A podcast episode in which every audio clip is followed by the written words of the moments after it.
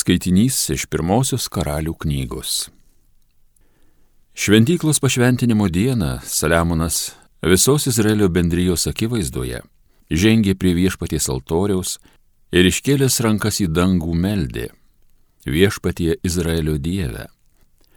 Tenai danguje ir čia žemėje nėra tokio dievo, kuris kaip tu laikytųsi sandoros ir rodytų palankumą savo tarnams kurie su visa širdimi jo akivaizdui gyvena. Ar vis dėlto Dievas iš tikro gyvena žemėje? Štai net ir dangus, ir dangų dangus nepajėgia tavęs apriepti, tai kągi kalbėti apie šiuos namus, kuriuos pastačiau. Priimk mano viešpatie Dievę savo tarno maldas ir maldavimą. Išgirski šauksmą ir maldą, kurią tavo tarnas tau kalba šiandieną Naktį ir dieną laikyk atmerkęs akis ant šitų namų, ant buveinės, apie kurią esi sakęs, kad čia tavo vardas gyvensis. Išklausyki maldą, kurią tavo tarnas atlieka prie šitos buveinės. Atsižvelk į savo tarno ir savo tautos Izraelio meldimą, kada jie melsis prie šitos buveinės. Išgirski juos danguje, vietoje, kur gyveni. Išgirski juos ir būk maloningas. Tai Dievo žodis.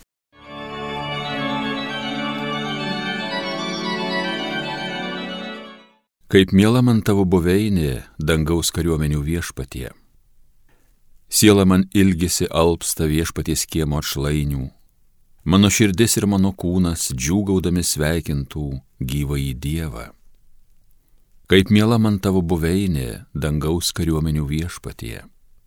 Net žvirblis pastogė nesusiranda, blesdinga susikrauna lizda vaikeliams. Ilgiuosi aukuro tavo, o dangaus kariuomenių viešpatie, o mano Dieve, mano valdove. Kaip miela man tavo buveinė, dangaus kariuomenių viešpatie. Laimingi, kurie namuose tavo gyvena, nuolatos teikia tau viešpatie šlovę. Tu mūsų skydas, o Dieve, maloniai pažvelki, pažvelki į veidą savo pateptinio. Kaip miela man tavo buveinė, dangaus kariuomenių viešpatie. Viena diena tavo atšlainiuos geresnė nei tūkstantis kur kitur. Maloniau man prie Dievo namų slengščio palikti, kaip nedorėlių pastogiai viešėti. Kaip miela man tavo buveinė, dangaus kariuomenių viešpatie. Alleluja.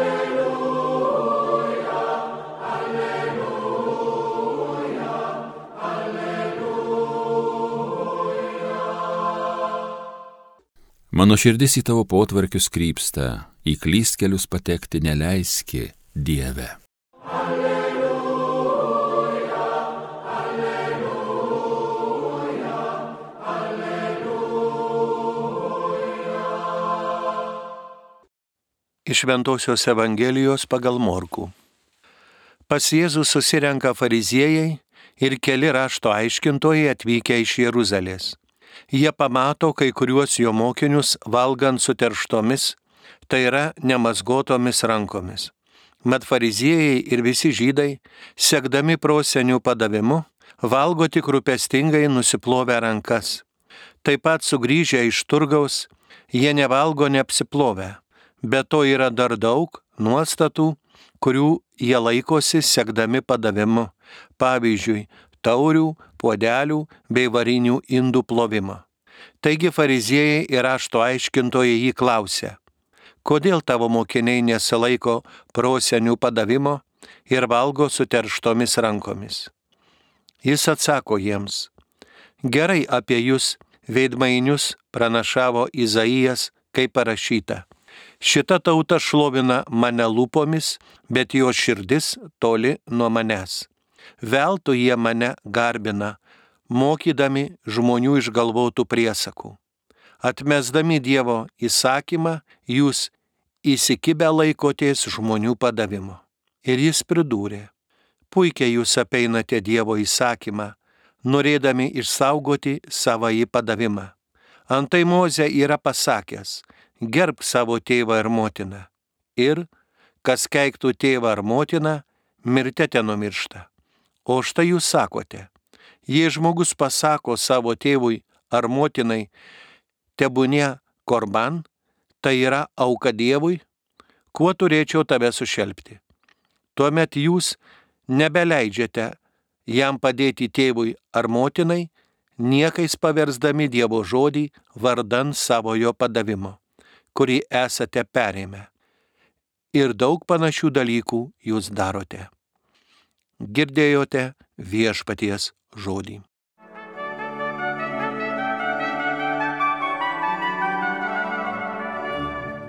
Brangus tikintieji, pavadindami ką nors fariziejumi, mes lyg pasakome, kad tas žmogus yra melagingas ir veidmainiškas.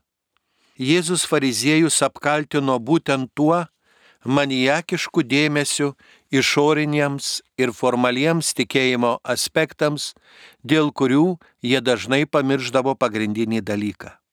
Jie tikėjo, kad sąžinę galima nuraminti tam tikrais ritualiniais veiksmais. Jėzus moko, kad Dievą domina ne išoriniai veiksmai, o žmogaus širdis. Tai yra nuoširdi žmogaus motivacija, kuris skatina atlikti šiuos veiksmus. Jėzus priekaištauja fariziejams už tai, kad už išorinio ritualų atlikimo jie neižvelgia ritualų esmės. Žydų papraučiai plauti rankas ir viską, kas buvo naudojama maistui, kažkada turėjo ir dvasinę, ir praktinę reikšmę. Padėdavo užlaikyti švarą ir išvengti infekcijų karštame klimate. Neatsitiktinai skaitlingi apsiplovimai egzistuoja ir tarp musulmonų. Paradoksalu, kad 16 ir 17 amžiuje dažnas rankų plovimas krikščioniui galėjo kainuoti gyvybę.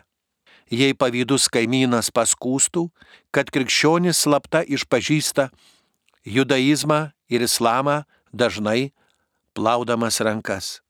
Ir tai dar kartą įrodo, kad pats rankų neplovimas nereiškia nei nepagarbos Dievui, nei jo įsakymų nepaisimo. Ritualizmo pavojus gali lemti tikrojo Dievo praradimą širdyje.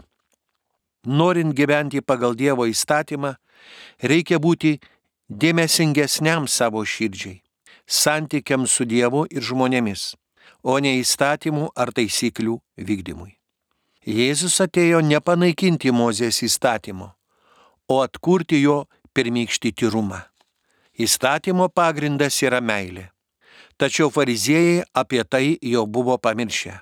Užsiemė tiesioginių išorinių nurodymų vykdymu, pavyzdžiui, rankų plovimu, kurie buvo antrailiai, pamirštant pagrindinę meilės ir teisingumo pareigą.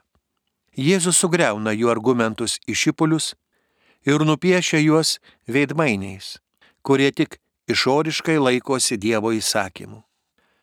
Taip pat ir kiekvieno, ir iš mūsų viduje gyvena fariziejus, kuris pabunda mumyse kiekvieną kartą, kai bandome pasislėpti už tikėjimo, kad pateisintume savo kompromisus su sąžinė ar pareigų nepaisimą. Dievas yra meilė ir įstatymai yra skirti meilė įvykdyti. Fariziejai nenori mylėti kitų, nes myli tik save. Jų širdys jau užimtos skrupulingų tradicijų užlaikymu, tad niekam kitam, net Dievui, čia vietos nėra. Ir mes žinome dešimt Dievo įsakymų, bažnyčios įstatymus, bet ar gyvendami pagal juos tikrai mylime Dievą labiau nei save? Ar mums taip svarbu skelbti Evangeliją uoliai ir ar turime troškimą išgelbėti artimųjų sielas, kad neturime laiko net pailsėti? Ar jaučiame skubų poreikį persikūnyti į meilę, kad taptume visiems išganimo įrankiu?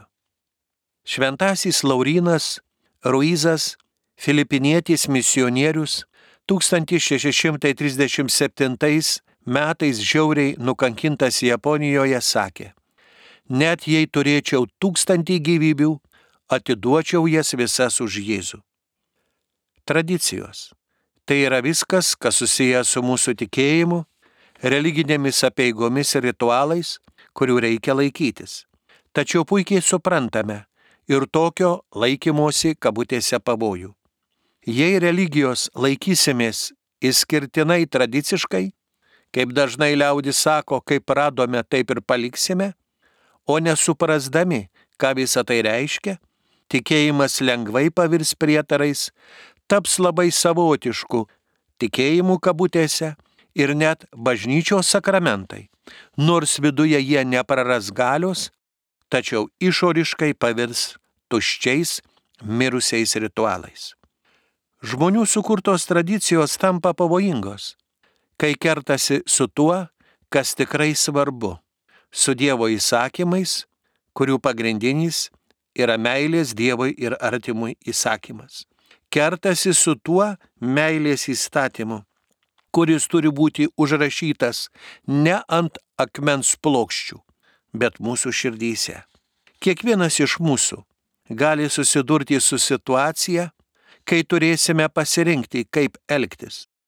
Ar pagal visuomenėje priimtas taisyklės, ar pagal savo sąžinę ir tikėjimo principus ir dažnai dėja elgiamės pagal žmonių taisyklės. Kiek krikščionių elgesi kaip fariziejai, suvokdami Dievo garbinimą kaip realybę visiškai atskirtą nuo konkretaus gyvenimo. Pirmiausia, turėtume prisiminti, kad mes, krikščionys, esame saistomi aukščiausiojo Kristaus nustatyto įstatymo meilės įstatymu. Saratovo katalikų katedroje virš altoriaus yra parašyti švento Klemenso Romiečio žodžiai. Sine caritate nihil pleacitum deo. Be meilės Dievui niekas nepatinka. Vadovaujamiesi meilės įstatymu, turime nustatyti savo vertybių hierarchiją ir veikti pagal ją.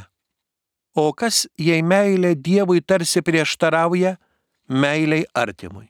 Pavyzdžiui, vienuolys trokšta gyventi labai dvasingą gyvenimą, kupiną maldų, įsižadėjimų ir asketiškų praktikų. Žinodami apie jo šventumą, žmonės kreipiasi į jį kaip mokytoją patarimo, pagalbos dvasiniuose reikaluose ar išpažinties. Tačiau jis nenori jų priimti manydamas, kad jie tik atitraukia jį nuo dvasinio gyvenimo ir neleidžia susitelkti ties svarbesniais reikalais. Panašų įvykį iš savo gyvenimo aprašo vokiečių domininkonų mystikas palaimintasis Henrikas Suzo. Patyręs didelę dvasinę paguodą maldoje, Jis atsisakė nutraukti savo maldą ir neišklausė vargšo nusidėjėlio išpažinties. Kaip bausmę Dievas atėmė iš jo paguodą kylančią iš maldos ir dvasinį džiaugsmą. Meilė Dievui, kurią rodome maldoje, atneša gausių visų rūšių darybių vaisių ir šie vaisiai privalo tarnauti mūsų artimo labui. Šios taisyklės ir tradicijos turėtų paskatinti mus vykdyti meilės įstatymą, o ne jam trukdyti. Reikia nuoširdžiai išanalizuoti savo santyki su Dievu. Net turtingas jaunuolis, kuris laikėsi visų taisyklių ir kuris patiko Jėzui, negalėjo sekti Jėzumi, nes labai sunku jam buvo atsisakyti visko, ką turi ir ne tik materialinių dalykų, bet ir įpročių, gyvenimo būdo ar net senų draugų. Rytų bažnyčios vienas šventasis yra taip pasakęs. Būk krikščionių, o ne atrodyk. Štai viena iš svarbiausių tavo taisyklių. Mėly tikintieji, stengiamės visada būti mylinčiais krikščionimis. Amen.